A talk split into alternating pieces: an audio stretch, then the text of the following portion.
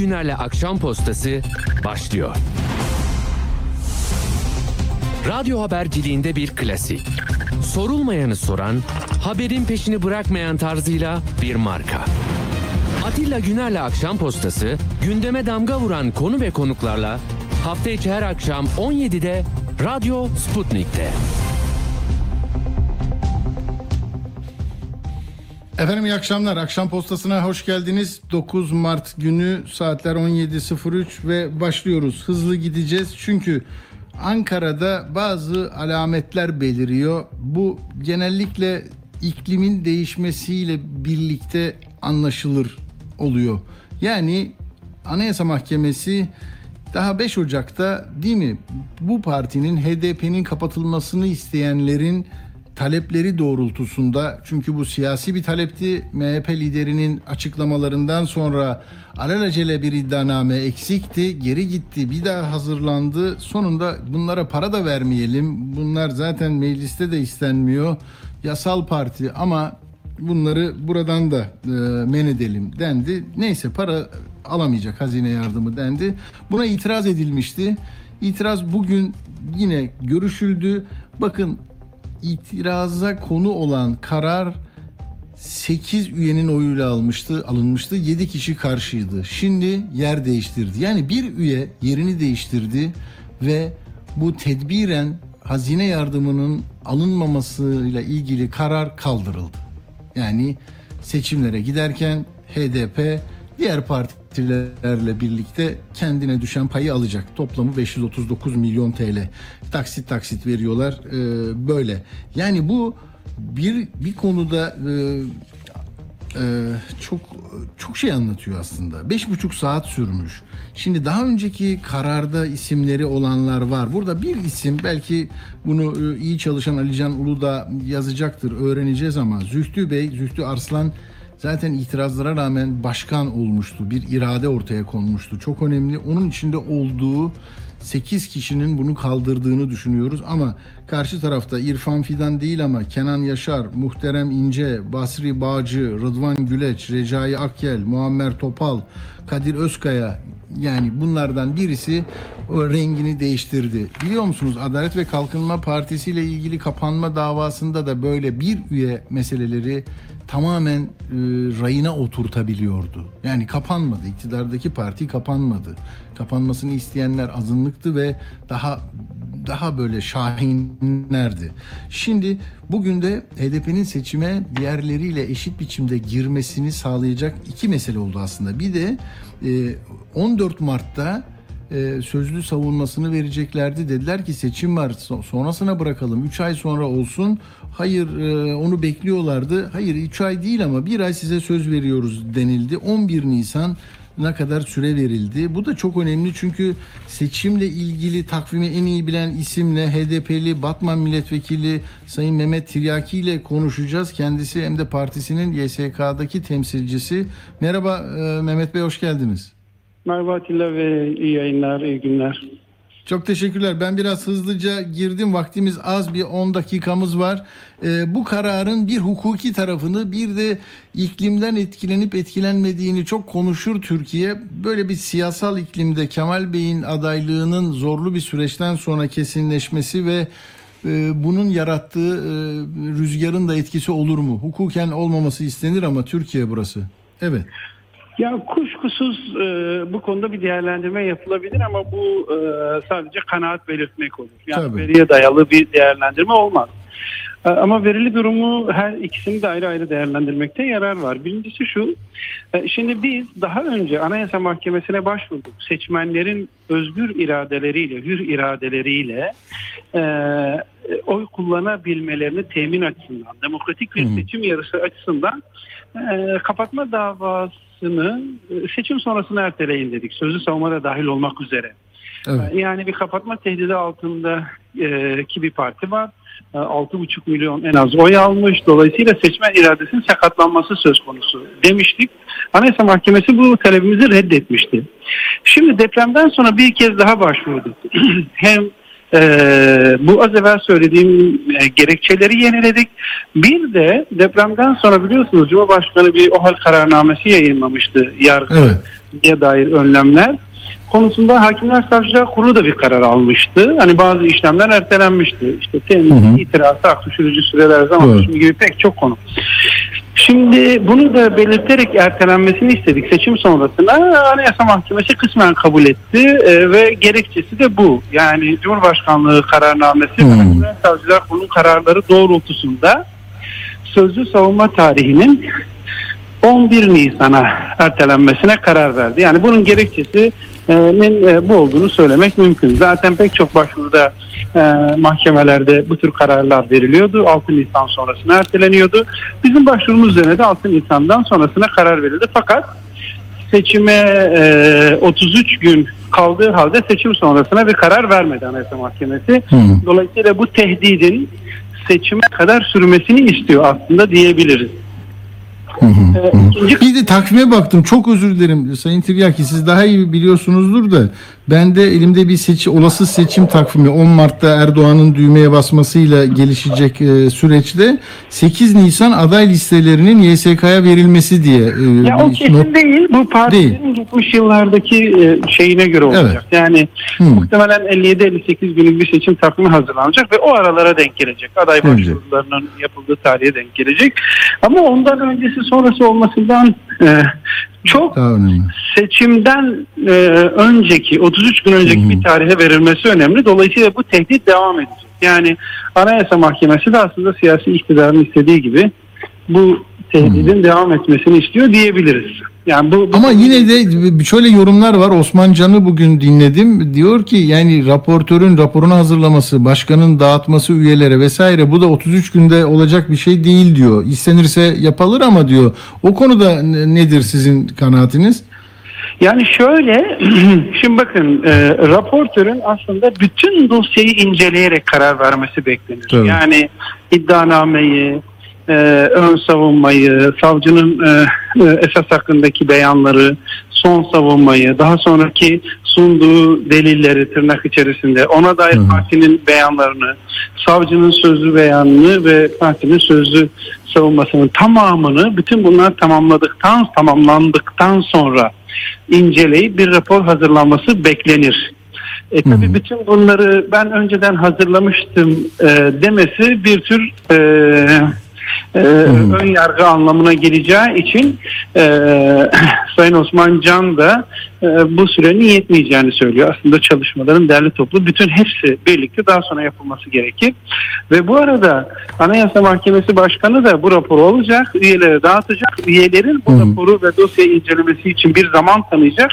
Daha sonra bir toplantı kararı alacak. Dolayısıyla bunun 33 günlük süre içerisinde olmaması beklenir.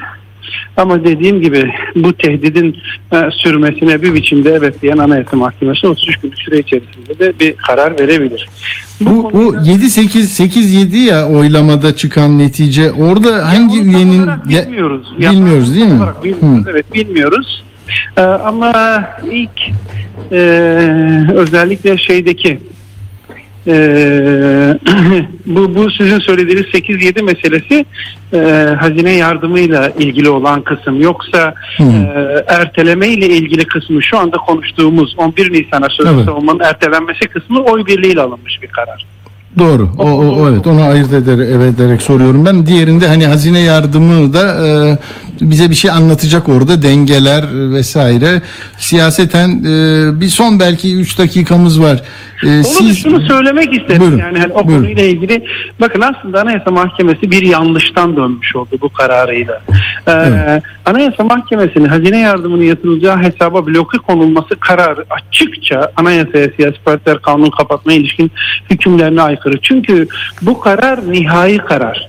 Yani Evet. kapatma davasının sonunda verilecek bir karar. Ya Anayasa Mahkemesi partinin kapatılmasına karar verecek ya davayı reddedecek ya da e, hazine yardımının tamamını veya bir kısmının kesilmesine karar verecek. Siz bunu bir tedbir olarak bir ara karar oluşturduğunuzda olarak kurduğunuzda aslında en son kararı davanın ortasında vermiş oluyorsunuz. Bu bir anlamda ihsas rey anlamına da geliyor. E, Biz bunları söyleyerek zaten itiraz etmiştik. E, Bunları söyleyerek e, bu kararın yanlış olduğunu söyledik. Kaldı ki savcı yeni hiçbir şey söylemedi aslında. Hmm. Yani Davayı açtığı zaman da hazine yardımının e, bloka konulmasını istemişti. Davayı yenilediğinde de istemişti. Anayasa Mahkemesi bu talepleri o zaman reddetmişti. Bu aradan geçen süre içerisinde yeni bir bilgi, yeni bir delil e, HDP'nin hazine yardımlarını hukuka aykırı bir şekilde kullandığına dair tek bir tane bilgi, belge, delil, iddia yokken e, bu kararı vermesinin de hukuka aykırı olduğunu söyledik. Anayasa Mahkemesi bu verdiği kararla en azından yanlıştan dönmüş oldu dememiz mümkün. Anladım. Siyaseten e, yani e, iktidar kanadının e, 21 yıldır ülkeyi yöneten iradenin bu davayla e, kendi lehine e, bir sonuç çıkarma e, stratejisi ne olabilir? Oralarda da kafalar karışık. Yani Ya tabii ki kapatılmış bir HDP mi yoksa HDP'ye e, bakın işte e, seçimlere girme hakkı verilen bir HDP mi? Ne düşünürsünüz? Şöyle söyleyeyim, bakın e, bu siyasi iktidar e, yaşamın her alanında, siyasetin her alanında e, şantajla e, çalışma yürüten bir e, iktidar. Yani bu siyasi iktidar Hmm. siyaset yapma biçimi şantaj üzerine kurulmuş durumda. Yani bakın e, yabancı uyruklu kişilerin e, başka ülkelere e, bir rahibin, bir gazetecinin Almanya'ya, Amerika'ya karşı nasıl şantaj olarak kullanıldığını bilmiyor muyuz? Ver papazı al papazı diyen bir siyasi iktidardan bahsediyoruz. Bütün muhalefete yönelik e, açılan davalar bu anlama gelmiyor mu? İstanbul Büyükşehir Belediye Başkanı'nın e, hükümlü hale getirilmesi bu anlama gelmiyor mu? Bu bir şantaj siyaseti. Yani Hı e, HDP üzerinde de bu şantajın devam etmesini istiyor. Her an sizi kapatabiliriz ha. Her Hı. an siyaset yasaklısı haline getirebiliriz ha. Bu tehdit her zaman e, bir şantaj biçiminde devam ediyor. Siyaset yapma biçimi hepimiz buna alıştık ama bu şantaja bugüne kadar boyun eğmedik. Bundan sonra da boyun eğmeyeceğiz. Anladım. Peki daha sonra YSK'daki gelişmeleri de sizden de öğrenmek isteriz. Çok teşekkür ediyorum Mehmet Rüştü Tiryaki, HDP Batman Milletvekili aynı zamanda YSK'da e, partisini temsil ediyor. Çok teşekkür ediyorum katıldığınız için. Ben teşekkür ediyorum. İyi yayınlar dinleyenlere. Sevgiler, saygılar. Sağ olun. Evet böyle hızlıca devam ediyoruz. Bir 5 dakika sonra bir mağdur e, gazeteciden söz edeceğiz size. Türkiye'deki genel işleyişin, yaklaşımın, prosedürün ne olduğunu anlamak için yani beklenen tarzın ne olduğunu gazeteciden, yayıncıdan, televizyoncudan size bir kez daha göstereceğim ama çok hızlı notlarımı söylemem lazım. 66 gün var seçime. Kılıçdaroğlu bugün MK'ya MYK'yı topladı. Hani ortak seçim seçmenlere sunulacak ortak milletvekili listeleri nasıl olacak? Saadet Partili bir e, seçmen nasıl CHP e, logosu altına oy verecek? Hangi ilde nasıl olsun? Mesela Murat Sabuncu yazmış bugün muhafazakar seçmene alternatif sunacak Karamollaoğlu diyor. Yani e, böyle değişik çıkış yolları aranıyor. Bu basının da özellikle sabah gibi e, A Haber gibi yani iktidara yakın gazetelerin şu tepkileri var ya işte altılı masanın yıkım projesi demiş bugün. Yani FETÖ'cüler çıkacak. Kayyumlar kalkacak, aile bozulacak. Şimdi buradan nasıl bir e, proje yürütülüyor? Oradaki metin ortada. Burada LGBT destekçisi İstanbul Sözleşmesi gelecek. Baykar'a engel çıkacak. Eğitimde darbeci 28 Şubat modeline dönülecek. Görüyor musunuz? IMF'in kapısı çalınacak. Şehir hastaneleri yapımı duracak. Böyle şeylerle e, televizyonla TRT'ye bakıyorum, A Haber'e bakıyorum. Yani hakikaten o seçmeni nasıl e, kendi e, çemberi içinde o çemberi kırma e, hattındakileri nasıl tutmaya çalışacak haberler öyle imal ediliyor. Şimdi bakın e, yarın e, Kılıçdaroğlu ne yapıyor? Malatya'ya gidiyor. Malatya'da oda başkanlarıyla, ticaret odasıyla, sanayi odasıyla oturup konuşacak. STK'larla konuşacak. Artık böyle hani ittifak mensubu e, bir cumhurbaşkanı adayı diye şehrin nabzını da dinlemek istiyor. Oradan da işte Doğan şehire gidecekmiş, Ören'e gidecek orada. Ertesi gün, cumartesi günü de İmamoğlu'yla birlikte Meral Akşener Hatay'a gidiyor. İstediği oydu ya hani e, roket gibi onlar bizim hızımızı arttıracak. Al alıyor evladım dedi Kılıçdaroğlu. O da kardeşim ablasıyım onun dedi. Hatay'a gidecekler. Salı günü e, bu kez 13.30'da Hatay'dan seslenecek Türkiye'ye e, Kılıçdaroğlu. Yani nasıl iktidar deprem bölgesinden hiç çıkmıyor ve bütün siyaseti depremle ilgili mağduriyet yaşayanları tekrar e, kendi oy havuzunda tutmak üzere e, seferber olduysa e, rakibi Millet İttifakı da öyle yapacak herhalde bundan sonra. Baktım çünkü e, bugün mesela Soylu Maraş'ta, Ulaştırma Bakanı Adıyaman'da, Aile Bakanı Osmaniye'de, Tarım Bakanı Gaziantep'te hepsi bütün bakanlıkları boşalttılar, orada çalışıyorlar. E, bu çok önemli bir şey. E, bakalım e, ne olur? Burada tabii Özgür Özel'in hani HDP'ye bakanlık verilemez diyemem lafını kayda geçirmek lazım. Ee, yine Fikret Bila'ya Kılıçdaroğlu'nun ne sakıncası olabilir? Doğal bir şey. Görüşeceğim tabii e, HDP ile demesi de e, Türkiye'deki iklimin değişiyor olduğunu gösteriyor. Gerçekten e, yani e, bir sessizlik var. İktidar kanadında da çok eskiden beri kullanılan e, pas tutmuş bazı şeyleri çıkarıyor insanların. E, bu Millet İttifakı'na oy vermekten vazgeçmeleri için korku e, şey yeni bir e, kötü ülke olacaksınız. Kazanımlarınız gidecek diyor. Yeni bir şey söylemiyor yani yapacakları konusunda. Bunu da bu bunu da söylemiş oldum. Başka da Tabii bu bu dönemde bunu da söyledikten sonra konuğumla bağlanabiliriz. Ee, şimdi hukuk, adalet diyoruz ee, ama e, bir yandan mesela hukukun sınırları içinde oluşmuş bu AYM kararları e, iyi gelir insana. Yani normal tribünlerde hani vur vur ölmeye ölmeye geldik diyenler dışındaki huzurlu, iyi, birbirini anlayan, diyalog içinde olan bir ülke özlemi duyanlara iyi gelir. Çünkü hukuk hepimize lazımdır e, kararlar e, evrensel hukuk kurallarına e, temel alıyorsa mesele yok. Ama şimdi bak mesela Ağaca seçime iki ay kala bir video var. O arkadaşlar veriyor mu onu görüntülü izleyenler görsün. Yani ben böyle bir e, Kurtlar Vadisi e, film setinde bile böyle bir görüntü yoktu. Yani inanın e, tüylerinizi diken diken eden e, görüntüler var burada. Sözleri kapatmışlar ama yani şimdi Abdi İpekçi'nin katili Papa'ya kurşun sıkan adam en önde duruyor orada. Ee, çevresinde işte reis lakaplı Tolga Başaran varmış. Maşallah Önel varmış. Muşlu mafya lideri. Sonra Fatih Bucak vesaire yani bu nerede Susurluk'ta, Gladio'da, derinde ne varsa oradan e, ilham alan bir şeyle e, çok konuşuldu. Sonra orada oturan ev sahibi diyor ki yani ne var ne mahsuru var diyor. Biz devletten, milletten yanayız diyor. E, birilerini rahatsız etmiş diyor. Etmeye de devam edecek. Bakın etmeye devam edecek. Herkes şunu bilsin. Devletin yanındayız. Devlet bizi nerede görmek isterse orada görecektir. Şimdi bu bununla ilgili ben çok kısa bir şey söyleyeceğim. Bu devletle vatandaş arasındaki ilişkiyi bu muhafazakar çevrelerden ziyade milliyetçi e, damara sahip e, siyasal e, şeyler, aktörler öyle bir yörüngeye oturtuyor ki ee, en son yapılan bir anket var. Şimdi bunu size söyleyeceğim. Ee, yapan toplumsal eğilimler Türkiye'de milliyetçilik e, algısı bunu hem e, Sabancı Üniversitesi'nde politikalar merkezi bir de partneriyle yaptı. Şimdi diyor ki bak yanlış da yapsa devletimi savunurum. Tamam mı? Yüzde 41'i savunurum ifadesine katılıyor. Diyor ki yüzde 41'i evet yanlış da yapsa devleti savunurum. Burada AK Parti ve MHP katılımcıların çoğu bu ifadeye katılıyor. CHP, İyi Parti ve HDP'li katılımcılar bu ifadeye katılmıyor.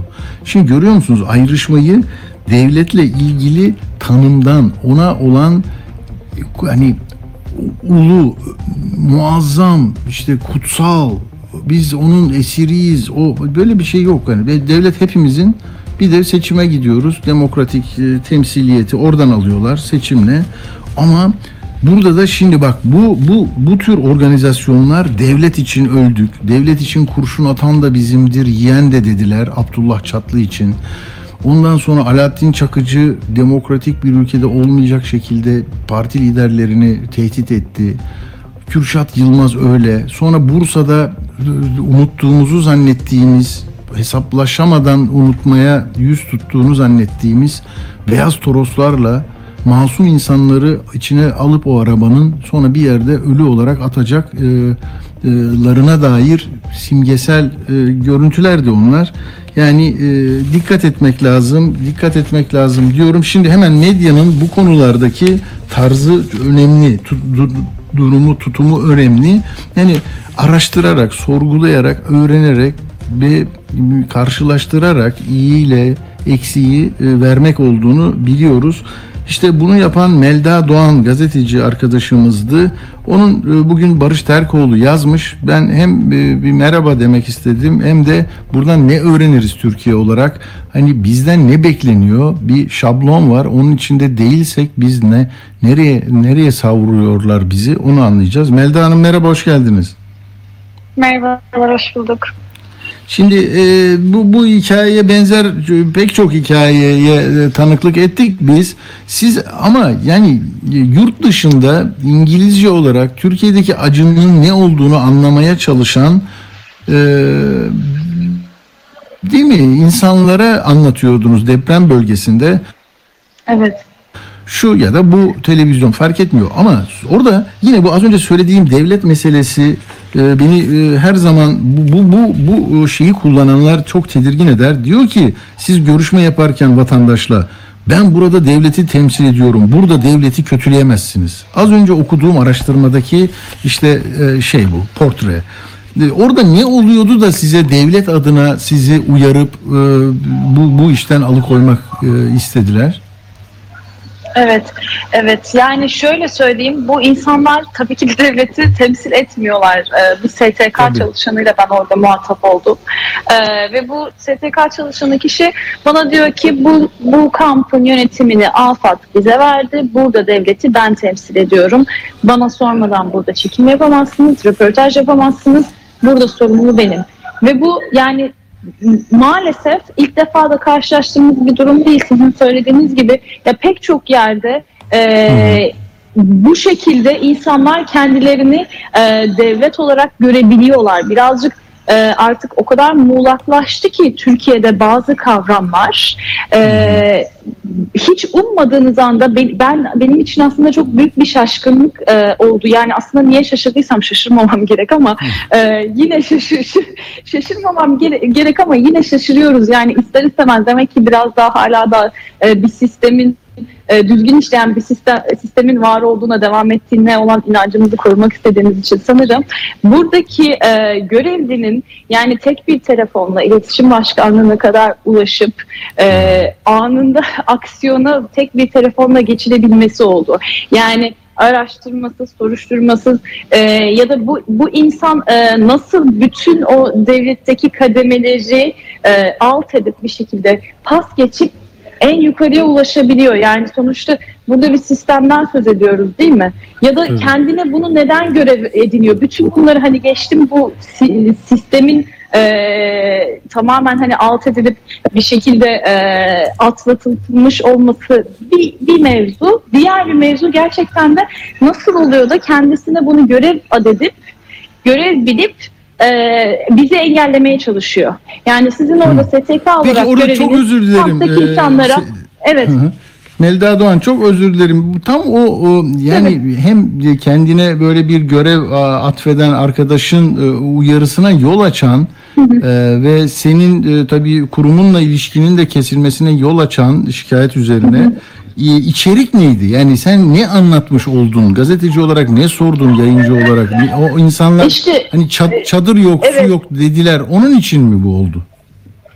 E, e, evet tam da burada aslında mevzu Ee, bana geldi dedi ki işte niye onları konuşturmuyorsunuz Ee, burada her şey var işte biz anlatalım TSTK temsilcisi bu şekilde bahsediyor Ee, o kampta hiç önemli değil. 100 kişi varsa, yüzü mutluysa, bir kişi mutsuzsa ve o mutsuzluğunu ya da şikayetini dile getirmek istiyorsa onu da yansıtmak bence basın olarak bizim görevimiz zaten. Yani o o, o, o orada ben gerçekten çok hassasım ve zaten yayın yaparken de ben e, sonuçta yani 7 yıldır ben gazetecilik yapıyorum. Ve e, bu görevimi de bu mesleğimi de devam ettirmek istiyorum. Ve şu andaki siyasi havaya bakmaksızın her dönemde Türkiye'de e, çekişmeler olacaktır. Yani gazeteci olarak benim görevim yansıtmak. Ve gerçekten Hı hı. orada e, orada sahada olan neyse ben onu yansıtmaya çalışıyorum. Doğru. Ve, e, Bakın burada gazeteciliği nedir biliyor musunuz? Çok e, özür yani dileyeceğim. Sahada olan şeyi yansıtmamın önüne e, siz geçemezsiniz ya. Ne, ne münasebet. Ya da Değil mi? kiminle konuşup kiminle konuşmayacağımı siz karar veremezsiniz. Bana seçmece bu insanla görüşün, bu insanla görüşmeyin diyemezsiniz. Ha, kaldı ki gerçekten orada iki farklı zıt görüş varsa ben onu da yansıtmak zorundayım bir gazeteci olarak. O da benim görevim. Bu sadece e, ya işte sadece muhalif olanları verelim gibi bir bir e, noktada da durmuyorum şahsen. Kesinlikle bunu da çok yanlış buluyorum. Çok- Yani Çok bizim doğru. görevimiz yansıtmak, sahadaki gerçekleri yansıtmak, orada bulunamayan insanlara orada buluna- bulunarak sahada olarak, alanda olarak neyin e, ne olduğunu, insanların ne düşündüğünü birebir yansıtmak bizim görevimiz. Sadece Çok- siyah, sadece beyaz da diyemeyiz. Her konuda bu böyle.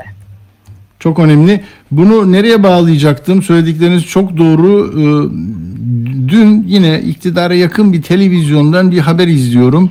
İlk kez semt pazarı açılmış, alışveriş ediyor insanlar diyor. Canlı bağlandılar, anonsları var. Biliyor musunuz ki sadece e, tezgahtaki patates, soğan, salatalık, biber dedi. Satıcı var, alıcı var dedi ve kimseyle konuşmadı. Eğer siz Melda Hanım e, bunu böyle bir bandı yollasaydınız dünyanın hiçbir televizyonda çalışamayacaktınız. Ama Türkiye'de Tabii ki. e, ta- tarif edilen bu.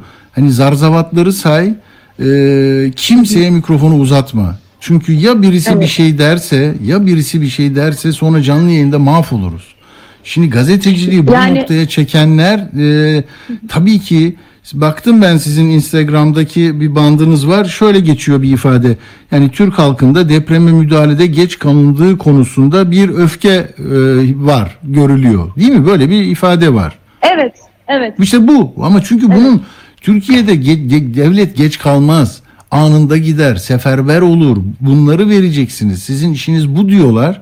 E, geliyorsunuz yani dünyanın merak ettiği bir konuyu siz sorularla iyi ya da kötü ya ne güzel zamanında bakın konteyner gelmiş şuraya elektrik de verilmiş burası en iyi yer burası kötü deme hakkınızı alıyorlar elinizden değil mi? Bağlantı mı kesildi? Bağlantı yok. Melda Hanım bağlantısı kesildi mi? Melda Hanım Alo. tamam geldiniz. Peki son 3-4 dakika var. Anladık birbirimizi. Tam da e, benim tahmin ettiğim gibi oldu. İşinizi bu yüzden soru sorarak gerçeği araştırdığınız için dünyaya bunu anlattığınız için işinizden e, edildiniz. E, şu anda bu işi yapamıyorsunuz. Peki yurt dışından bağlanıyoruz. Çok uzaktaydı Melda Doğan. Çok teşekkür ediyorum ama çok önemli şeyler söyledi. Bu röportajlarını dünyada 12 ayrı televizyona iletiyor. Oradan bir e, not e, olarak diyorlar ki Türkiye'deki durumu e, kötü gösteriyor bunlar. Bizim imajımıza yasa, ya- yanlış.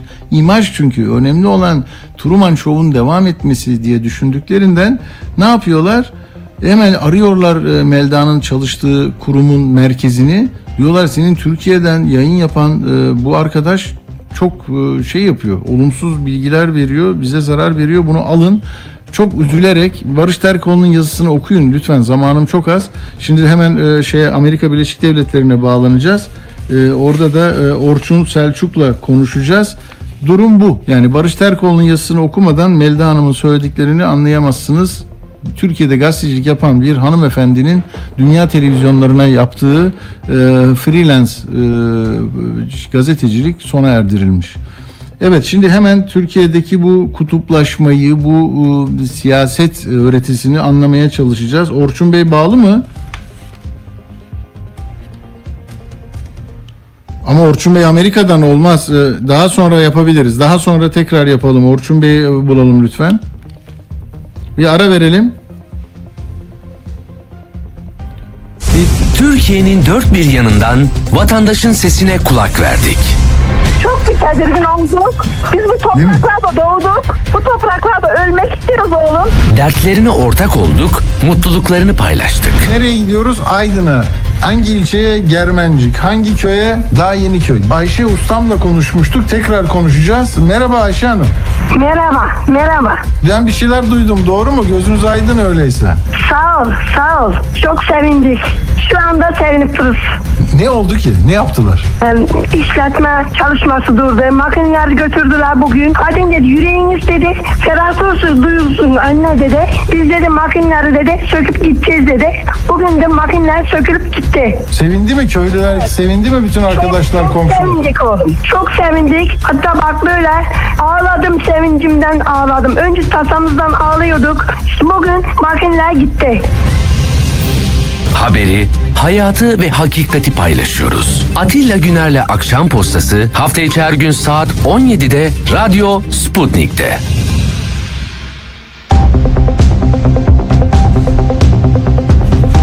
Evet. Efendim şimdi gidiyoruz Amerika Birleşik Devletleri'ne e, akademisyen Türkiye'yi de çalışıyor. Orçun Selçuk'la konuşacağız. Merhaba Orçun Bey hoş geldiniz. Merhaba, hoş bulduk. Evet sizin e, popülizm ve etkili lider kutuplaşması, kapsayıcılık, dışlama ve muhalefet e, adıyla kitabınız yayınlandı yurt dışında. Bu çalışmalarınız kitaplaştı. Ben de izliyorum sizi sosyal medyadan. Hem böyle Venezuela ile Türkiye liderliğini karşılaştırmışsınız. Bugün güncel olarak e, başlamak isterim. E, Evet. Millet İttifakı Kemal Kılıçdaroğlu'nda karar kıldı bir, bir sıkıntılı bir süreç sonunda ve karşısında Erdoğan var. Ee, Bugüne kadar Erdoğan'ın e, kazanmasına yol açan e, onun stratejisi neydi? E, Kemal Bey e, bunun e, geçerli olmaması için yeni yeni e, hamleler yapıyor.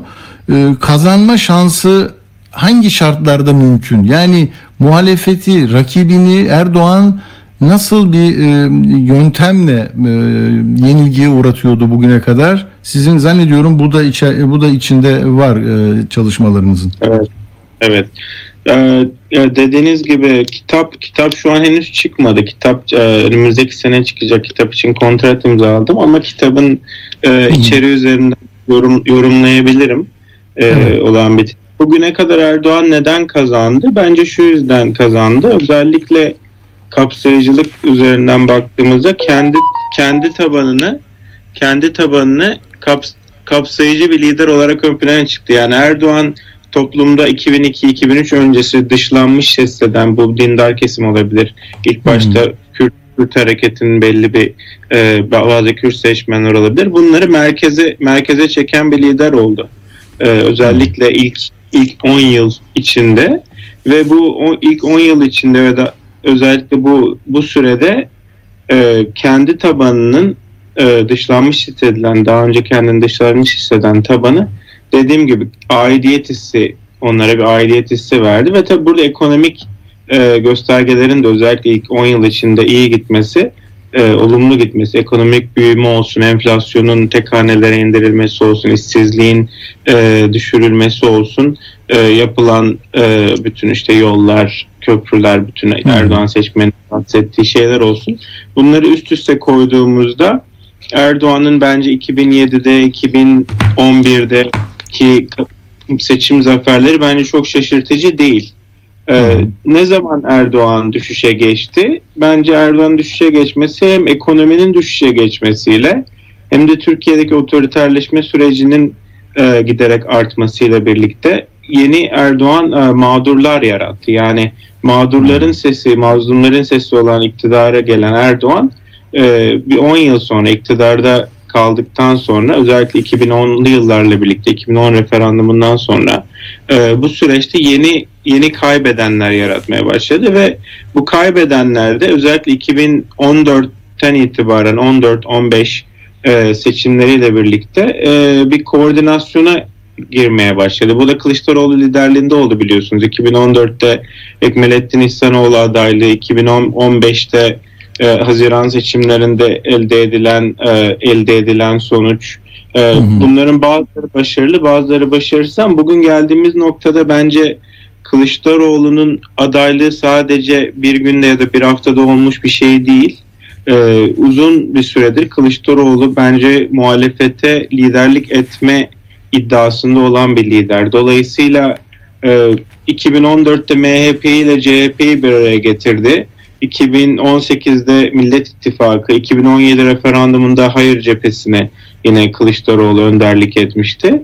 Bence bugün gelinen noktada da altılı masa Millet İttifakı oluşumu gerçekten önemli. Her ne kadar Deva Partisi, Gelecek Partisi, Saadet Partisi'nin oyları e, anketlerde ya da sandıkta düşük çıkıyor da çıkacak olsa bile bunun ben e, geniş katılımlı bir muhalefet açısından önemli olduğunu düşünüyorum. E, hı. Dolayısıyla ben Kılıçdaroğlu bu altılı masadaki seç partilerin seçmenlerini artı HDP seçmenini de e, kendi adaylığı arkasında toplamayı başarabilirse bence Kılıçdaroğlu'nun çok ciddi bir şansı var diye düşünüyorum. Burada söylem ne kadar etkili? Yani kutuplaşma e, bir lider eliyle yaratılabilir değil mi? Bir dil kurduğunuz dille e, mesela HDP için ne, deniyor E, biliyoruz. Yani şimdi e, bu konuya çok uzun girmek istemem ama hani popülizm, kutuplaşma sizin gördüm ki e, bunlar da e, çok yer ediniyor çalışmanızda. Bu bu durumda yani e, muhalefetin bugün nasıl yola çıkması beklenir? Sizin eski tespitlerinizle ileriye dönük bir projeksiyon yapabilir miyiz? Yani ne olursa değişir her şey. Şöyle ben e, kitapta şeye bakıyorum duygusal kutuplaşma yani lider üzerinden olan e, hı. bir yanda Erdoğan'a çok hayranlık duyan Erdoğan'a e, kendini Erdoğan'la özdeşleştiren Erdoğan'la gurur duyan bir, bir seç, seçmen kitlesi var Evet. Türkiye'de ve diğer tarafta da Erdoğan'dan nefret eden Erdoğan'dan son derece e, Erdoğan'a mesafeli koyan kendini Erdoğan karşıtı olarak tanımlayan e, bir seçmen grubu var. Türkiye'de seçimlere, anketlere baktığınız zaman mesela 2011 seçimlerinde e, kendini Erdoğan yandaşı olarak tanımlayan yani Erdoğanist diyebiliriz belki reisçi diyebiliriz. Ne nasıl derseniz deyin. E, bu grubun her zaman anti Erdoğan grubundan fazla olduğunu görüyoruz. 2011 seçimlerinde de 2015 seçimlerinde de hatta 2018 seçimlerinde de Erdoğan'ın yani kendi tabanının Erdoğan'a hayranlık diyor. Ne yaparsa yapsın Erdoğan'ı destekleyecek olan kitlenin her koşulda Erdoğan'a karşı duracak kitleden fazla olduğunu görüyoruz. Ama bunun özellikle 2019-2020 pandemi süreciyle beraber de bunun tersine döndüğünü gösteriyor veriler. En azından benim e, baktığım veriler. E, bu da ne demek? Yani Türkiye'de şu anda kutuplaştırma siyaseti Erdoğan'a yaramayacak. Çünkü kutuplaştırma siyaseti demek Erdoğan kendi elindekileri konsolide ediyor ama aynı zamanda karşı tarafı da konsolide etmiş oluyor. Şu an karşı tarafın daha fazla elinde kişi olduğu için yani daha çok kişi Türkiye'de şu an kendini Erdoğan karşıtı ta- olarak tanımladığı için Erdoğan'ın bence kutuplaştırma siyasetine devam etmesi Erdoğan açısından doğru bir siyaset olmaz. Tam tersine Hı. Erdoğan'ın daha kapsayıcı bir siyaset izlemesi gerekir ki diğer tarafı konsolide etmesin ve diğer taraftan gerekirse e, bazı insanları kendi tarafına çekebilsin diye düşün. Hı. Evet o yüzden ya bugün Kılıçdaroğlu'nun gel- gel- geldiği noktada ki bence aday tartışması tabii ki önemli ama bence çok da önemli değil. Türkiye'de e, Bekir Ağırdır'ın konuda da uzun yıllardır söylediği bir şey var. Biz Türkiye'de seçim yapmıyoruz. Biz kimlik sayımı yapıyoruz e, Evet. diyor her zaman Bek- Bekir Ağırdır. Ben buna çok katılıyorum. Yani Türkiye'de biz e, 2010'dan beri hatta e, kimin hangi kampta olduğunu sayıyoruz ve insanlar bugün Kılıçdaroğlu'nun mesela adaylığına %100 destek vermeyen birçok insanda eminim ki Kerhen e, Erdoğan'la karşı yarıştığı için yani an- anti Erdoğan olduğu için e, Kılıçdaroğlu'na hem ilk turda gerekirse ikinci turda da oy vereceğini düşünüyorum. Benim kitapla da şöyle bağlayabiliriz belki. Bu Hı hı. Latin Amerika dünyada da son derece olan bir şey. Ben Amerika'da yaşıyorum mesela. 2020 seçimlerinde e, birçok kişi Biden'a çok hayran olduğu için Biden'a vermedi.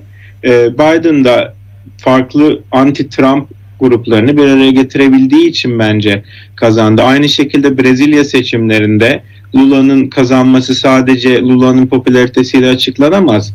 Bolsonaro karşıtlığı ya da benim baktığım ülkelerde Chavez karşıtlığı, Kore'ye karşıtlığı, Ekvator'da ve Venezuela'da bunlar da önemli. Yani ne yazık ki dün, günümüzdeki dünyada bu negatif kimliklenme de çok önemli ve bu negatif kimliklenmenin de duygusal bir ayağı olduğunu düşünüyorum. Ben en azından kitapta bu duygusal e, kimliklenme bu, bu kavramlar üzerinden bakıyorum. Yani dolayısıyla Türkiye'de bugün gelinen noktada eğer hani ileriye yönelik bir tahmin e, tahmin soruyorsanız e, Kılıçdaroğlu eğer anti Erdoğan cephesini konsolide edebilirse Erdoğan'a karşı avantajlıdır diye düşünüyorum. Bu da ne demek? İyi Parti'de anti Erdoğan, İyi Parti'nin tabanı, HDP'nin tabanında anti Erdoğan, CHP'nin. Zaten bu üç parti bir araya geldiği zaman e, çok ciddi bir blok e, oluşmuş oluyor. E, Erdoğan ise kendi tabanın yani Erdoğan'a hayranlık duyan, Erdoğan'a e, sıkı sıkıya bağlı olan, Erdoğan reisçi olmakla gurur duyan tabanın kısmen son 5 yılda, son 3-4 yılda e, eridiğini düşünüyorum ki zaten veriler de bunu gösteriyor. Hı hı, anladım. Peki e, ama söylediğinizin e, tersine çok e, e, siyaset malzemesi ürettiğini biliyoruz Erdoğan'ın. Yani mesela anayasadaki aile kavramını bir maddeyle e, şimdi önümüze getirecek ve diyecek ki işte bunlar LGBT'ci Mesela daha önce söylediği e, sürtük lafı var vesaire yani çok sert. Bir de e, işte başörtüsünün anayasal güvence diyecek. Orada da hani inanan, inanmayan, işte kadere inanan, inanmayan gibi ayrımı daha kuvvetli hale getirici e, şeyleri oluyor, e, hamleleri oluyor. E, bu e, düne kadar nasıl çalışıyordu bilmiyorum ama bundan sonra yani HDP'lilere daha yumuşak, işte liberallere daha yumuşak davranmasını, daha daha anlayan e, bir dille konuşmasını bekleyebilir miyiz? Yoksa o giderek sertleşen bir kutuplaşma, ayrışma mı olur? Evet, bence Kılıçdaroğlu'nun CHP başına geldiğinden beri yaptığı en önemli işlerden birisi dindarla kutuplaşmasını biraz da arka plana atmak hmm. oldu. Ee, ve bence az önce dediğim gibi Deva Partisi'nin, Gelecek Partisi'nin hatta adaylığın Saadet Partisi önünde açıklanmasının bile bence böyle bir anlamı var e, CHP açısından. Ben Erdoğan her ne kadar e, bu dini hassasiyet, aile kavramı, geleneksel kavramlar üzerinden bir ayrılık yaratmaya çalışsa da az önce size söylediğim dinamikten dolayı yani kendi tabanı eğer çoğunlukta olsaydı şu anda o işe yarayabilirdi. Ama kendi hmm. tabanı Erdoğan'ın şu an anti Erdoğan tabanından daha az sayıda olduğu için Erdoğan'ın o tip bir şeye gitmesi aslında tam tersi mesela genç seçmenleri motive edebilir. Yani burada tabii ki daha önce oy kullanmamış e, milyonlarca seçmen var. Ben Erdoğan o konudan değil ama Türk-Kürt çatışması yani etnik çatışmalar üzerinden e, Millet İttifakı'nın tabii ki bölme riski olduğunu düşünüyorum. Çünkü HDP'nin de şu an Kılıçdaroğlu'na destek verip vermeyeceği tartışılıyor ki büyük ihtimal şu an verecek gibi gözüküyor. Ya Millet İttifakı'nı terörizmle, Millet İttifakı'nı işte suç suç örgütü olarak Zillet İttifakı bu tarz e, söylemlerle e, bu şekilde bölebilir. Çünkü bu bence Millet İttifakı'nın yumuşak karnı. Çünkü İyi Parti özellikle biliyorsunuz İyi Parti HDP konusunda e, görüşülebilir ama tabii ki onların talepleri masaya gelemez tarzında bazı konuşmalar. Geçen Selahattin Demirtaş'ın bir açıklaması oldu. Ben sizin dediğiniz bu LGBT meseleleri ya da dini meseleler değil, Millet İttifakı'nın yumuşak karnının Türk-Kürt e, fay hattı üzerinden yani etnik fay hatları üzerinden e, daha çok olabileceğini düşünüyorum ki zaten Erdoğan'ın MHP ile ortaklığı da belki bence buna daha çok işaret ediyor. Anladım. O zaman e, yani bu HDP'yi e, Millet İttifakı'nın bir paydaşı gibi e, ve seçimine katkı sunma konusunda tereddütleri giderilmiş bir oluşum gibi görmek gerekecek. Bu buradan da başta MHP olmak üzere tabii işte bunlar HDP eşittir terör, terörde bakın eşittir Millet İttifakı gibi o zaman bir şey oluşturacak. Bu toplumda geçerli mi hala? Yani e, HDP deyince mm, yani bu kadar e, suç örgütü halinde e, algılanıyor olması yine kimlik siyasetinin e, içinde mi anlamak lazım onu? Zaten mesafesi var. Terör terör öyle mi anlamak lazım? Evet.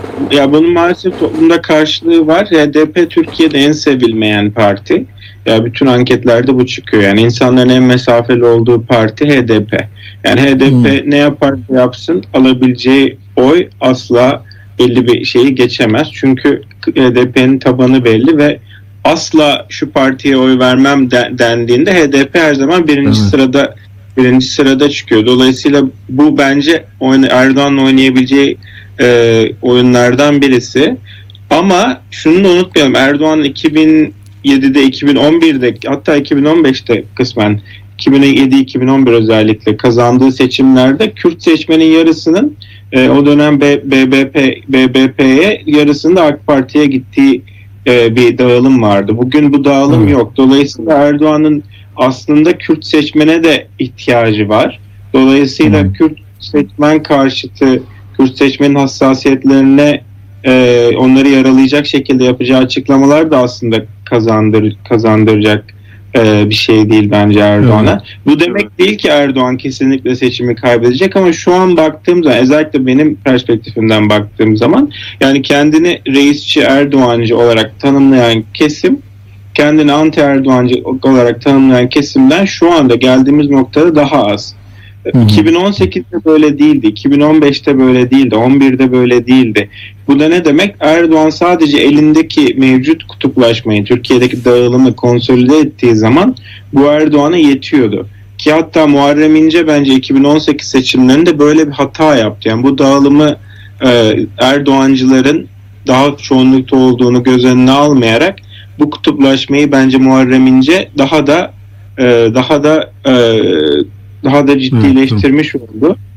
Bence o yüzden Kılıçdaroğlu'nun izleyeceği söylem de önemli. Önümüzdeki süreçte Erdoğan'la e, birçok söz dalaşına girerse işte dindar seçim seçmenlere e, karşı tavırlarında bazı gaflar yaparsa e, bence bunlar da A Haber'de çeşitli işte TRT'de diğer birçok medyada bunlar kesinlikle gündeme gelecektir diye düşünüyorum. O yüzden çok dikkatli bir e, söylem izlemesi gerekiyor. Hem Kılıçdaroğlu'nun hem de part, diğer parti liderlerinin Ekrem İmamoğlu'nun ve Mansur Yavaş'ın şu an 7 tane başkan yardımcısı adayından bahsediyoruz. Çok Evet. fazla aslında kişinin gaf yapma olasılığı da var bence. Burada böyle bir risk var. Doğru. Şimdi onunla ilgili bir küçücük bir şey söyleyeceğim. Ben tam bununla ilgili e, söylemekten kendimi alıkoydum ama yani Halk TV'de ismini vermeyeyim bir konuk dedi ki bu karşı devrim dalgası işte durdurulması lazım dedi. Şimdi bu eski çok kuvvetli laflar bunlar ama Türkiye'nin daha önceki dönemlerinde e, kullanılan bir e, tamlama diyelim. Şimdi onu tekrar tedavüle çıkararak e, bence e, yanlış yapıldığını düşünürüm. Ben o kişisel görüş bu e, ama bilmiyorum. Onu da bir bu vesileyle söyleyeyim. Şimdi hemen bizim İzmir'den Özgür e, arkadaşımız bizi dinler her zaman soru yöneltmiş size. E, İmamoğlu ve Yavaş'ın eklenmesi nasıl etkiler e, ittifakı ve seçim sonucunu diyor. Evet. Bu e, önce az önce dediğiniz şeyden dediğiniz bir, birkaç kelime Tabii. etmek istiyorum. Şey söylemek istiyorum. Çok geçmişte yapılan hatalar oldu. Mesela işte göbeğini kaşıyan adam dendi. İşte bunlar oyunu satar. Bu söylemlerden kaçınmak gerekiyor. Zaten bu söylemler tam olarak popülist bir lider olarak Erdoğan'ın e, söylemine hizmet eden söylemler. Bir kere bunları bırakmak gerekiyor. Yok karşı devrimdir, Hı hı. yok karşı taraf eğitimsizdir. Bu tarz Hı. şeyleri bırakmak gerekiyor. İmamoğlu Yavaş konusunda bence önemli olur ama şu an 7 tane başkan yardımcısından konuşuyoruz ve İmamoğlu ve Yavaş'ın e, başkan yardımcısı ne zaman olup olmayacağı da bence e, o metne baktığınızda çok net değil. Bir yasal değişiklik yapılması gerekiyor. İşte Cumhurbaşkanı'na bırakacağız. Sayın Cumhurbaşkanı o şekilde bir ifade var. E, ama yine de tabii ki onların e, sokaklarda insanlarla konuşurken, halkla konuşurken başkan yardımcısı, potansiyel başkan yardımcısı adayı olarak konuşması kesinlikle bence e, olumlu etki eder. Ama tabii ki e, Mansur Yavaş'ı ya da İmamoğlu'nu aday olarak görmek isteyen insanları tamamen memnun etmez. Brezilya seçimlerinde söylenen bir laf vardı. Hatta Karabekir Akkoyunlu akademisyen o çok bunu dile getirdi. Bu, bu seçim cennetin kapılarını açmak değil cehennemin kapılarını kapatmak için yapılacak bir seçim diye Hmm. e, bir söylem vardı. Yani o yüzden bence Türkiye'de Mansur Yavaş'ı da isteyen dön, ya da İmamoğlu'nu isteyen seçmenler de bir şekilde Kılıçdaroğlu'na bence ilk turda oy vereceğini düşünüyorum ve el illa tabii ki fire olacaktır. İlla vermeyenler olacaktır ama bu dediğim Erdoğancı, anti Erdoğancı e, bu asimetrik şu an asimetrik diyorum çünkü daha fazla kişi e, anti Erdoğan olarak tanımlıyor kendini. Bu denge bozulmadığı müddetçe ve ekonomide de çok ciddi iki ay içinde bir değişme olmayacağına göre e, ben şu an er, Kılıçdaroğlu'nun şansı olduğunu düşünüyorum. Bu Kılıçdaroğlu kişisi olarak çok iyi bir aday olduğu için değil, e, farklı kesimleri bir araya getirebildiği için ve Erdoğan'ın aslında Kılıçdaroğlu'nun kazanmasından değil Erdoğan'ın kaybetmeye yakın olduğundan dolayı. Sonuçta bu seçimin bir kazananı olacak ve dünyada işte Amerika örneğine baktığımızda Trump kaybetti bence Biden kazanmadı ya da Bolsonaro Brezilya'da o kaybetti. Ee, bence biraz da kazananlardan çok kaybedenlere ma- bakmamız gerekiyor. Özellikle bu negatif kimliklenmelerin dünyada bu kadar yaygın olduğu bir ortamdayken. Doğru. Peki Orçun Selçuk'la konuşuyoruz. Hocamız Amerika Birleşik Devletleri'nde Luther Kolej'de, e, Iowa'da e, ve e, Türkiye liderliğini de son 20 yıllık e, Erdoğan e, vakasını dünyada, Latin Amerika'da e, galiba birkaç ülkeyle kitabı daha bilmiyoruz ama e, karşılaştırdığı için ilgimizi çekti. Son 5 dakikada biraz e, yani Erdoğan reflekslerini dünyada sizin çalıştığınız alandaki liderlerle e, karşılaştırmanızı rica etsem. Mesela Macaristan'ı çok söylerler son zamanlarda ama sizin galiba daha çok Chavez e, başka örnekler var. Hani onları birleştiren, ayrıştıran, ortaklaştıran ne? Hangi dille neyi harekete geçiriyorlar ve iktidarlara geliyorlar ve e, uzun kalıyorlar? Ee, Ya bence şöyle benim Macaristan örneği üzerinden de konuşabilirim. Onun kitapta onun üzerine Macaristan üzerine çok fazla e, bir kitap bölümü yok ama on, ona da bu da baktığım vakitlerden birisi. Ya Macaristan'da da olsun bu sağ ya da sol popülist olması çok fark etmiyor. Bence bir de şöyle bir e, genelde e, genelde bir varsayım var. Yani Erdoğan sağ popülist olduğu için böyle hareket ediyor. Sol olsaydı bu şekilde hareket etmezdi diye bir varsayım. Bence bu sağ soldan bağımsız popülist liderlerin genel olarak e, bizler ve onlar olarak toplumu ikiye ayırması ve kendi tabanına kapsayıcı söylemde, kapsayıcı politikalarda hem ekonomik politika olabilir hem e, hem de e, sembolik anlamda olabilir. Mesela bir örnek vereyim size. Türkiye'de işte Türkiye'de, Latin Amerika'da, Macaristan'da otoriterleşmeden bahsediliyor ama siz Orban destekçisi biriyle konuştuğunuz zaman ya da ya da Bolsonaro Hı. destekçisi biriyle konuştuğunuz zaman hiç otoriterleşme olduğunu falan düşünmeyecektir o kişi. O kişi Hı. tam tersine Macaristan'ın, Brezilya'nın, e, Venezuela'nın gerçek demokrasiyi şu anda tattığını düşünecektir. Bu da Türkiye'de de olan bir şey. Yani şu an Türkiye'de Evet. muhalif kesim son 20 yıla özellikle son 10 yıla baktığında bir otoriterleşme görüyor ama Erdoğanist dediğimiz reisçi e, reisçi e, seçmenlerle konuştuğunuzda onlar asla bir otoriterleşme değil tam tersine şu anda Türkiye'nin en demokratik dönemden geçtiğini e, düşünecek. Ben de bunun için tabii ki medya var. Kimlerle arkadaşlık ettiğiniz, hangi mahallede yaşadığınız, hangi Twitter hesaplarını takip ettiğiniz, hangi televizyon kanallarını izlediğiniz den tutun birçok anlamda bu yankı odaları diyeceğimiz Evet. e, Erdoğan'ın Pınar Uyan Semerci'nin Bilgi Üniversitesi'nden bu, konuda bir kitabı var.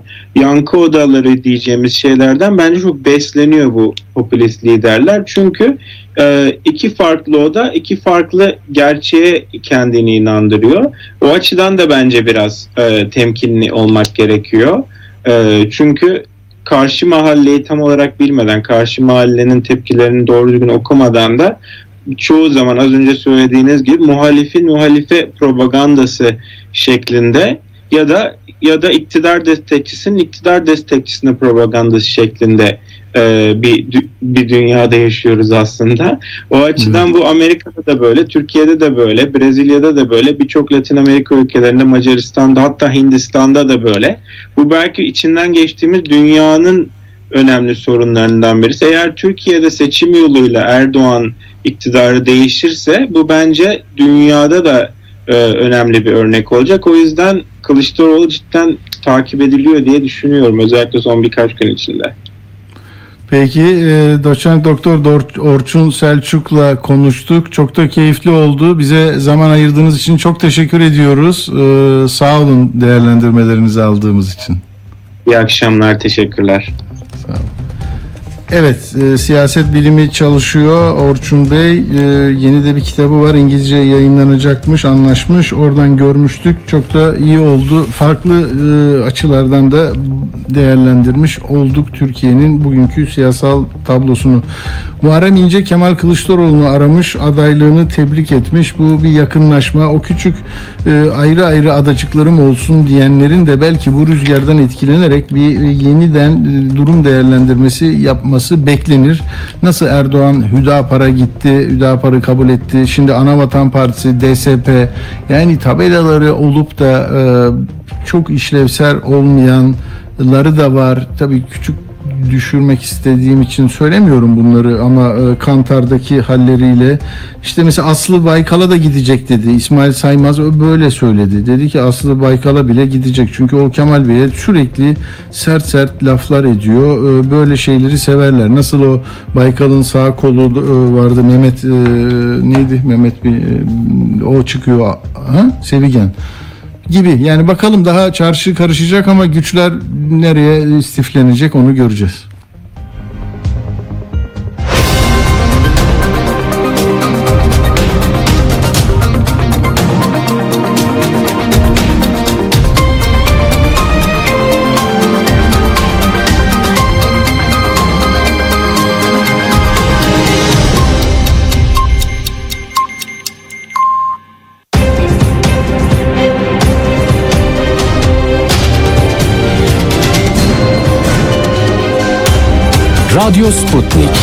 Anlatılmayanları anlatıyoruz.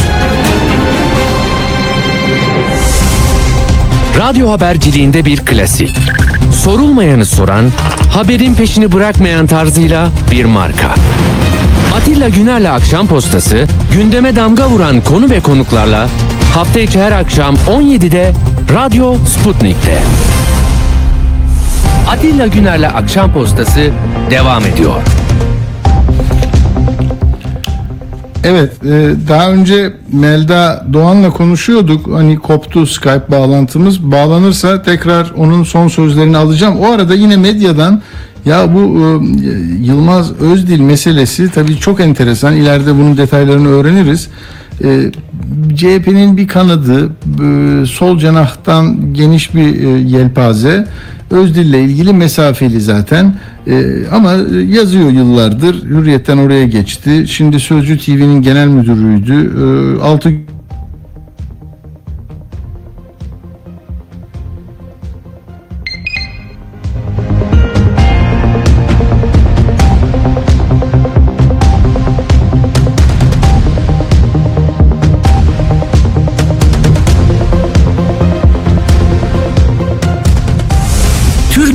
konuşuyorsa biz onu konuştuk. İşin doğrusu ne diye sorduk.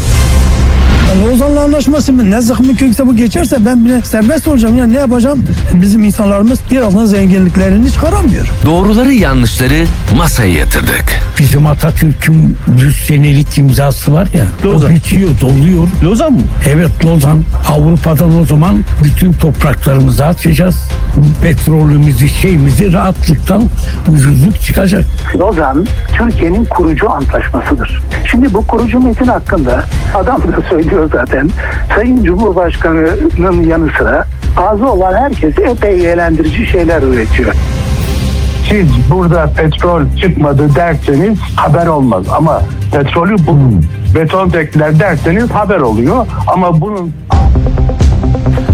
Evet e, bu arada benim bağlantım da kopmuş. Son söylediklerim Yılmaz Özdil ile ilgili anlaşılmamıştır muhtemelen. Döneceğim ama Melda Doğan'la yarım kaldığı için onu bir bağlayalım. Ee, gazeteci Melda Doğan anlatmıştım hikayesini. Türkiye'de deprem bölgesinde yayıncılık yapıyor. Yurt dışında onlarca televizyona e, Türkiye'de yaşananları anlatıyor ama e, orada çizdiği tablonun Türkiye'de hoşnut olmayanlar varmış. E, onu işinden etmişler.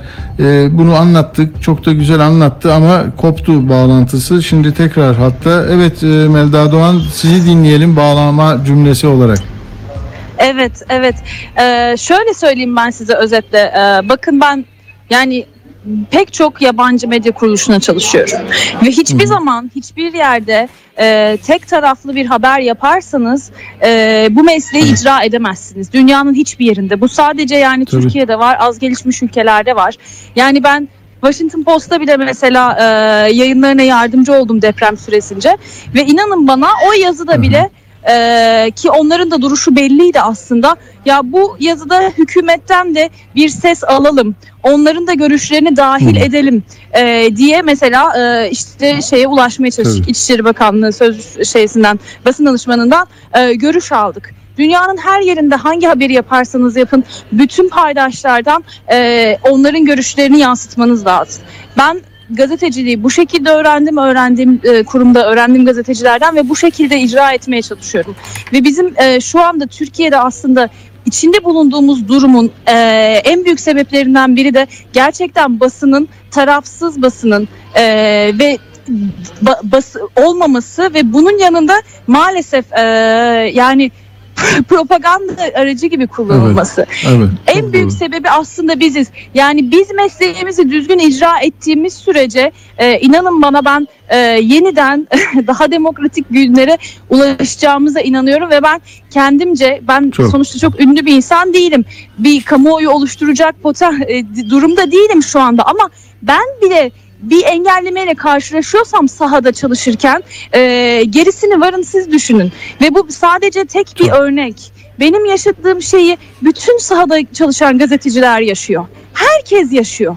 Senelerdir bu şekilde ve giderek artıyor. Yani bu üç sene önce de vardı. Biz insanlara mikrofon uzattığımızda çalıştığımız kurumlara göre e, konuşuyordu vatandaşlar ya da konuşmamayı tercih ediyordu. Ama bu baskı giderek arttığı için şu anda biz hiçbir şekilde e, yani sıradan vatandaştan hem görüş almaktan korkuyoruz. Bakın bu kamptaki kadının bana konteyner vermezler. Lütfen videomu silin demesi aslında o kadar içler acısı bir durum ki şu anda içinde bulunduğumuz durumu özetliyor. Ve bu tek bir örnek. Yani zannetmeyin ki bu ekstrem bir durum. Hayır bu bizim sahada her gün karşılaştığımız bir durum. Ve sadece depremle ilgili değil.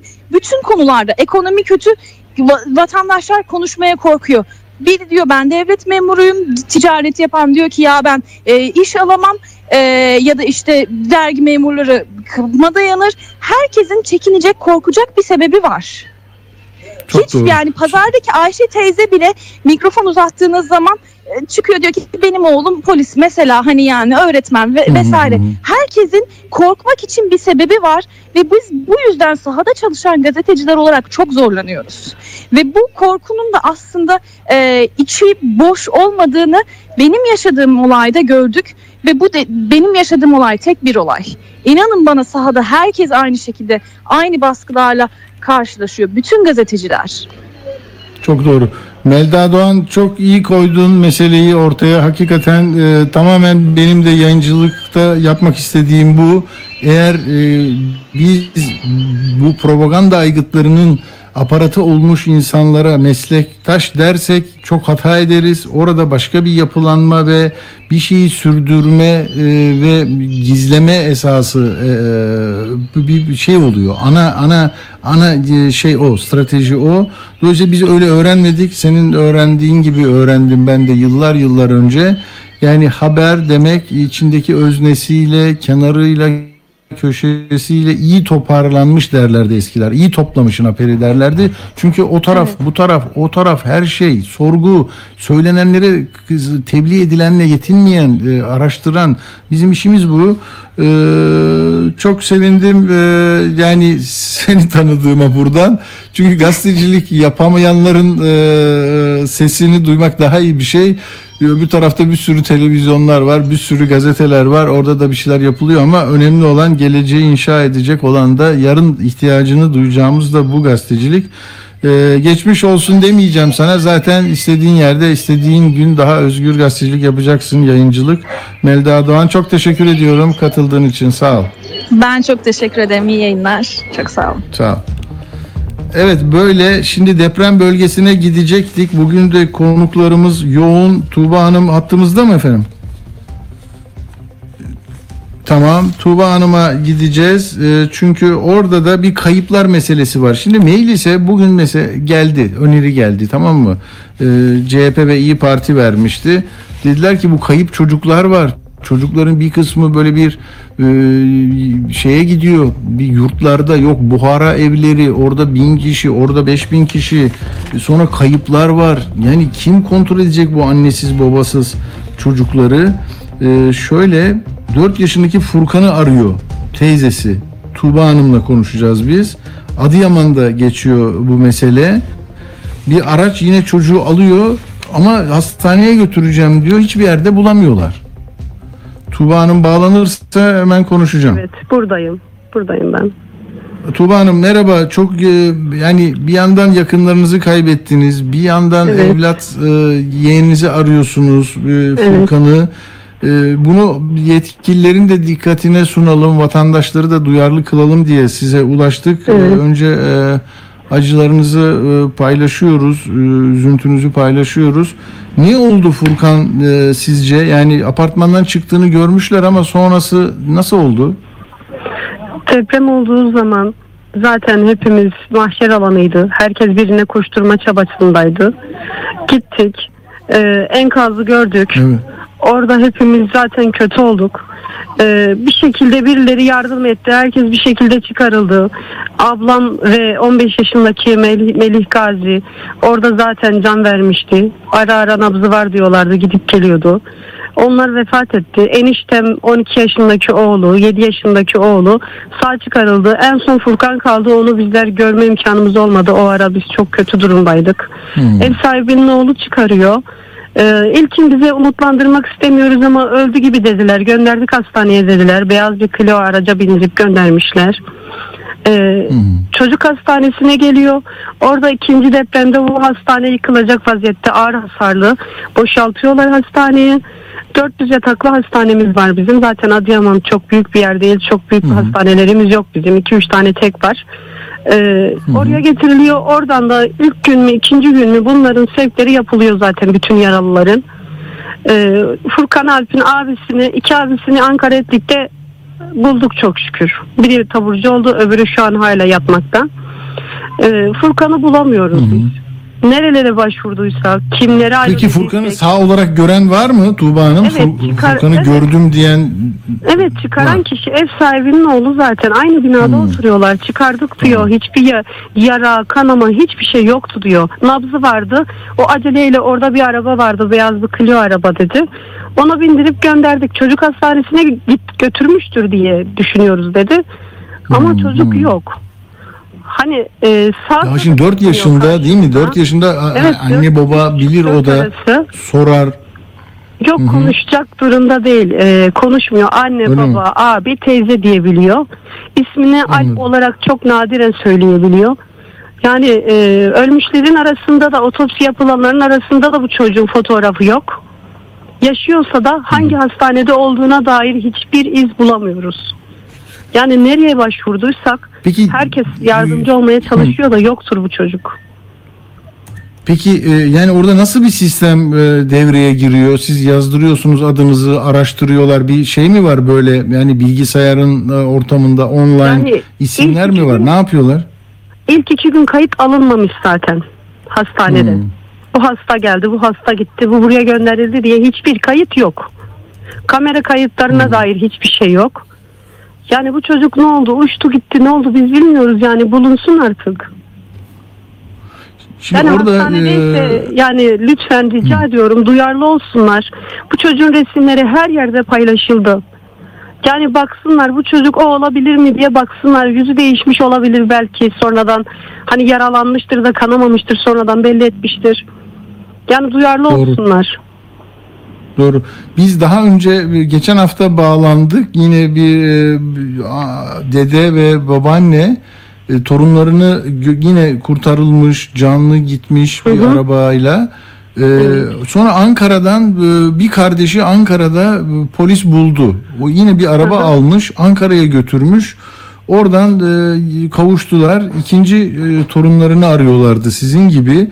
Yani Ankara Ankara'ya götürenler fazla mı? Niçin götürürler? Yani, iyilik için mi götürürler? Ankara'ya götürülmüş herhalde. Çünkü biz abisine, abilerini Ankara'da gördük. Orada bulduk. Ya, hani muhtemelen iyi, oradan bu da bulduğunuza göre. gitmiştir. O da yani muhtemelen e, Furkan Alp'i de götürmüşlerdir diye düşündük. Yoğunluk olarak Ankara'ya yüklendik. Hmm. Ama orada da yok. Sonra dediler ki İstanbul yeni açılan havaalanının oradaki hastanelerde görülmüş bu çocuk. Oralara da başvurduk. Oralarda da yok. Peki öyle bir site yok değil mi? Böyle bir paylaşım hani e-devlete koysalar bakın Koydular. sahipsiz çocuk E-Devlet var. Var. Evet. E-Devlet. Ha, orada eşleşmiyor ama değil mi? Evet.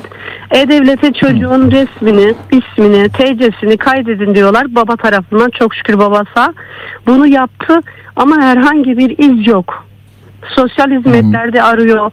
Yani, yani saymayayım herkes arıyor ama biz bu çocuğu nasıl bulacağız? Uçmadı ki bu çocuk. Öldüyse cenazesini resmini görelim. Yaşıyorsa yani lütfen rica ediyorum hastanelerden, başhekimlerinden yani bu çocuğun bir resmini paylaşsınlar. Burada yoğun bakımda yatan bir çocuk var. Acaba sizin mi diye bunu paylaşsınlar lütfen. Biz de fotoğraflarını şimdi görüntülü de izliyorlar bizi. Ee, orada e, Alp'in fotoğrafını da yayınlıyor arkadaşlar. Bir son soru. Peki hastaneye götüren aracın plakası yok değil mi? Yani bir kamera da yok, Yok, o sırada yok, kamera görüntüsü. Kıyamet Yok. koptu o an. Hiçbir şey Tabii yok. kim kime takip edecek ki? Biz zaten aracın plakasını bulsak çocuğu bulmuştuk belki. Tabii tabii tabii. Hani en azından çocuğu yaşayıp yaşamadığını en son o görmüştür. Doğru. Yani doğru. ben artık e, ne yapacağım bilmiyorum. Lütfen herkesten rica ediyorum bu çocuğu bulalım. Bu çocuk sizin çocuğunuz da olabilir. Yani kendinizi bizim yerimize koyun diyeceğim ama Allah göstermesin o günü. Ya. Ya ama düşünün yani çocuğunuz kayıp ama bulamıyorsunuz. Ama nerede bu çocuk?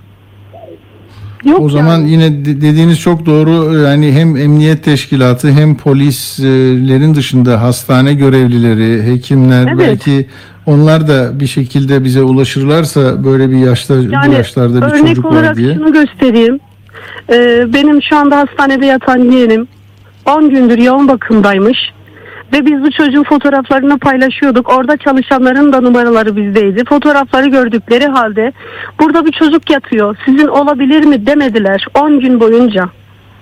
Hmm. Sonradan oradaki bir doktor buluyor da fotoğrafı gidip diyor ki senin adın buysa elimi sık diye. Çocuk o şekilde yoğun bakımda tepki veriyor. Biz abisine o şekil ulaşıyoruz. Ama bu çocuk konuşacak vaziyette değil. Üç Değil. buçuk yaşında belki onun yaşıtları konuşuyor olabilir de bu konuşan Anladım. bir çocuk değildi. Anladım. Yani Ee, inşallah emin- görevliler, yani- çalışanlar yani buna bir el atsalar, yardımcı olsalar daha çabuk bulacağız. Umarım bizim de bir katkımız olmuş olur Tuğba Hanım. İnşallah, Ee, çok teyzesi teşekkür ederim. e, İnşallah, Furkan evet. E, At e, Alsan'ın teyzesi 4 3,5 yaşında Adıyaman merkezden o muazzam e, tahribatın olduğu gün bir araçla sağa çıkmış götürülmüş ama şu anda e, bütün herkes onu arıyor. Umarım e, bir izini bulursunuz. E, Allah sabır diliyorum size Tuğba Hanım. İnşallah İnan ki bulursunuz. yani dayanamıyoruz artık bu çocuğu bulmamız lazım bizim. Ben İnşallah. ablamın mezarına gidiyorum konuşamıyorum utanıyorum. Ben çocuğu bulamadığım için utanıyorum. Mezarına gidemiyorum ağlayamıyorum utanıyorum. Sabır diliyorum. Bir gelişme olursa size mutlaka ulaşırız. Çok teşekkürler Allah razı İyi olsun. akşamlar. Sağ olun. İyi akşamlar. İyi akşamlar. Sağ olun. Sağ olun. Yani deprem bölgesinde arkadaşlar 55 çocuk 140 yetişkin kayıp var diye notlarım var. Ee, diyor ki e, Emniyet Ge- Genel Müdür Yardımcısı Resul Bey söylemiş bunu. E, 3600'ünün kimliği sonradan belirlenmiş, e, belirsiz defnedilenler var diyor. Onlardan işte 4000 yakın böyle. Çocuk müracaatı 55 kişi. Özel ekip kurulmuş. 1613 çocuk yakınlarına teslim edilmiş. 140 yetişkin afet bölgesinde kayıp sebebiyle aranıyor. Hala yok onlar da yok. Sonra tabii şey tartışmaları çıktı. Ee, yani Beykoz'da İHH'ya ait bir villa dediler. O reddedildi, itiraz edildi, yalanlandı. Sonra Menzil Tarikatı'nın Adıyaman'da bir şeyi var. Buhara evleri var. 7100 yetişkin e, depremzede oraya gitmiş. 2000 çocuk var. Onun görüntüleri yayınlanıyor. Onlara tepki gösterenler var. Ama yani şeffaf ve e, burada ne olduğunu bilsek daha iyi olur diye düşünüyorum ben de. E, gönüllerini ısıtmaya çalışıyoruz diyorlar ama nasıl oluyor? Şimdi Özdil ben Özdil'i anlatırken kesilmişti, düşmüştüm hattan. Yılmaz Özdil meselesi ileride daha anlaşılacak ama arkadaşlar önce televizyon kuruldu. 1 Mart'ta genel müdürdü. 6 gün sonra ayrıldı. Çünkü o sırada da bu kriz patlamıştı. Altılı masa 5'e düşmüştü. Orada İyi Parti'yi destekleyen e, ve Akşener masadan itildi denilmişti. CHP yeni bir e, başlangıç yaptığı için güçlü buna itiraz etti. Oradan televizyondan alındı görevden. Benim anladığım bu. Şimdi Sözcü gazetesinden de ayrılıyor. Kemal Bey kendisini aramış ama ona rağmen bu böyle bir süreç yaşandı. Çünkü e, bu ortak mutabakat metni açıklanırken e, Kemal Bey'in eşinin gözünün kapandığı anı koyup işte çok heyecanlı bir toplantı gibi bir şey yazmıştı. Bazen e, böyle e, sivri şeyleri olur Yılmaz Özdil'in. Sonra böyle bir e, kopuşa neden oldu ama Akşener Özdil'in Twitter'daki paylaşımına e, altına yazmış. Elbet bu da geçer yahu. Dürüstlüğün, tarafsızlığın ve hakkaniyetinin değeri elbet bir gün anlaşılır. Yolunuz açık olsun Yılmaz Bey diyor. Çünkü İyi Parti'yi orada çok savunmuştu. Korcan Karar da istifa etmiş. Yani sözcü zaten çık- çıkışı çok zor oldu. Rütük izin vermedi. Sivas'tan alınan bir televizyon kanalıydı. SZC dediler logosunu. E, tam seçimlere çok yakın bir zamanda izin çıkması da ilginçti. Sonra yapılanma böyle oldu. Şimdi nereye evrilir, ne olur bilmiyorum. Sözcünün İmamoğlu'yla kavgası vardı geçmişte. Şimdi CHP ile e, arasını düzeltmeye çalışıyor. Gibi gibi gibi. Yani gazeteciliğin e, şeyleri bunlar. E, farklı farklı alandaki zımbırtıları. Evet Uğur Koçbaş'la bitirelim bakalım. Uğur hoş geldin. Hoş bulduk, merhaba. Evet Uğur'cum söyle bakalım ne oluyor ne bitiyor. Şimdi e, Türkiye'de bir şeye itirazı olan kişiler sokağa inmeye çalıştıkları zaman, meydanlara çıkmaya çalıştıkları zaman e, engellerle karşılaşıyorlar. Çok uzun bir zamandır. Dün de bunu şeyde Evet. Kadınlar Günü'nde gördük. E, kaymakamlık kararıyla e, eylem, yürüyüş yapmaları engellenmek istendi. E, ama dünyada bu böyle değil tabii. Dünyada insanlar bir şeye itiraz edecekleri zaman sokağa çıkıyorlar ve bazen de başarılı da olabiliyorlar. Şimdi buna iki örnek vereceğim. Ee, Birisi İsrail'den. Ee, Şimdi İsrail'de bundan daha önce de bahsetmiştim. Hükümet kurulduğu zaman hatta seçim kampanyası sırasında Netanyahu demişti ki bu yargı da artık çok oluyor. Ee, Meclisin verdiği kararlar sürekli yüksek mahkemeden dönüyor. Bu işe bir e, çeki düzen vereceğiz. Artık meclisin kararları hukuktan dönemeyecek e, demişti ve mahkemelerin yetkilerini sınırlayacak bir e, düzenleme yapacaklarını söylemişti. İktidara geldikten sonra da bunun hazırlığını yaptılar ve şimdi bir yasa tasarısı olarak İsrail Meclisi'ne, Knesset'e gelecek. E, ama tabii çok büyük bir tepki var buna. E, e, demokrasi yanlılarından ve muhalefetten ve yargı çevrelerinden. E, çünkü güçler ayrılığına tamamen aykırı bir düzenleme olduğunu savunuyor e, hukuk çevreleri bunun. E, ve insanlar da biz sokağa ineceğiz ve bunu iptal ettireceğiz diye eylemler yapmaya başladılar. Bunun adına da sivil itaatsizlik günü diyorlar. E, günü Hmm. ama günlerce sürecek bir eylemden bahsediyoruz. Bugün başladı. E, binlerce kişi sokaklara indi. İsrail bayrakları e, taşıyorlar. Herhangi bir siyasi partinin de e, sloganları, bayrakları yok. E, biz demokrasimize sahip çıkacağız. Diktatörlüğe karşı direniş e, diyorlar kendilerine. Hmm. Ve bugün işte yolları kapattılar, eylemler yaptılar, sloganlar attılar. E, polis de dedi ki, İsrail polisi de dedi ki biz e, demokrasinin gereği olarak buna karışmayacağız, buna müdahale etmeyeceğiz. Ancak e, yolları kapatırlarsa buna müdahale etmek zorundayız. Çünkü bu sefer hayatın e, akışını engellemiş oluyorlar dediler. Nitekim bazı yollar kapandığı zaman buna müdahaleler de oldu. 6 kişi gözaltına alındı. Ama yani binlerce kişinin katıldığı bir eylemden bahsediyoruz. E, 6 kişi çok düşük bir sayı. E, yani e, İsrail polisi de bunu bir demokrasi gereği olarak gördü. Oradaki işte valilik olsun başka şeyler de olsun buna bir yasak getiremeyeceğinin farkında. Ee, ve e, bu eylemler e, yapılmaya devam edilecekmiş gibi gözüküyor. Belki de e, başarılı da olacaklar. Çünkü İsrail'in gerçekten önemli bir demokrasi geçmişi de var. Ee, nadir o bölgedeki demokrasinin işlediği ülkelerden bir tanesi. Gürcistan'da da benzer bir eylem vardı ve başarıya ulaştı. E, yabancı ajan yasa tasarısı. Bunu hükümet getirdi. Dedi ki herhangi bir sivil toplum kuruluşu veya medya gelirinin yüzde yirmisinden fazlasını yurt dışından hibe ya da fonlarla alıyorsa yabancı ajan olarak nitelendirilecek dedi. Buna çok çok tepkiler geldi. Ee, yani illa yurt dışından yurt dışı kaynaklı bir fonla bir e, faaliyet yapılıyorsa medya faaliyeti ya da başka bir STK faaliyeti yapılıyorsa bu ajanlık anlamına gelmez e, dedi itiraz edenler ve sokağa indiler. Günlerce devam eden protestolar oldu. Buna herhangi bir müdahale de olmadı ve sonunda iktidar dedi ki bu toplumu kutuplaştırmaya götüren bir e, hal aldı. O yüzden biz bundan vazgeçiyoruz dedi ve başarıya ulaşmış oldu o sokaktaki gösteriler. Hmm. Şimdi bugün e, NATO'da kritik bir toplantı var. Parlamentoda da, değil mi? Parlamentoda da kavga olmuştu. An- anlayamadım.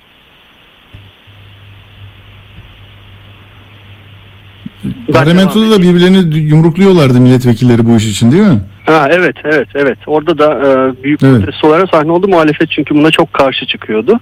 Ama sivil toplumun inisiyatifiyle o sokaklardaki eylemler nedeniyle e, bu şey kabul edilmiş oldu. Yani iktidarın geri adım atması mümkün olabildi. E, NATO'daki kritik toplantıdan bahsedeceğim. E, Türkiye, İsveç, Finlandiya e, yeniden masaya oturdular. Deprem nedeniyle ertelenmişti toplantı. E, işte İsveç ve Finlandiya'nın NATO üyeliği e, gündemde. Ee, NATO Genel Merkezi'nde yapılıyor toplantı. Ee, Benim son baktığımda henüz sonuçlanmamıştı. Ee, İsveç'te dün Türkiye'nin taleplerini karşılayacak bir yasal düzenleme yaptık. Mecliste onaylayacağız bunu diye Başbakan açıklama yapmıştı.